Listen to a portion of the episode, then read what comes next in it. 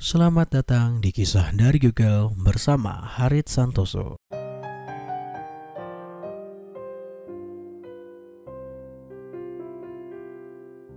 Dahulu ada seorang kakek yang sangat tua, yang matanya telah menjadi rabun, pendengarannya hampir tuli, lututnya gemetaran, dan ketika dia duduk di meja untuk makan, dia hampir tidak bisa memegang sendok sehingga sering menumpahkan kaldu dari sendoknya ke atas taplak meja dan terkadang kaldu pun menetes turun dari mulutnya. Anaknya dan istri anaknya menjadi muak dengan keadaan ini. Sehingga mereka mendudukan sang kakek tua di sudut dekat dapur sendirian. Dan mereka memberinya makanan dalam sebuah mangkuk gerabah. Makanan yang diberikan pun selalu sedikit dan tidak cukup. Sambil makan, sang kakek tua sering melihat ke arah meja makan dengan mata yang berlinang air mata.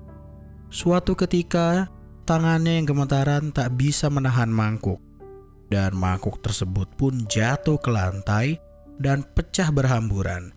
Anaknya beserta istri anaknya pun menjadi marah, tetapi orang tua tersebut tidak berkata apa-apa dan hanya bisa menghela nafas panjang. Kemudian mereka membelikan sebuah mangkuk kayu yang murah untuk sang kakek tua, agar mangkuk kayu tersebut tidak pecah saat jatuh.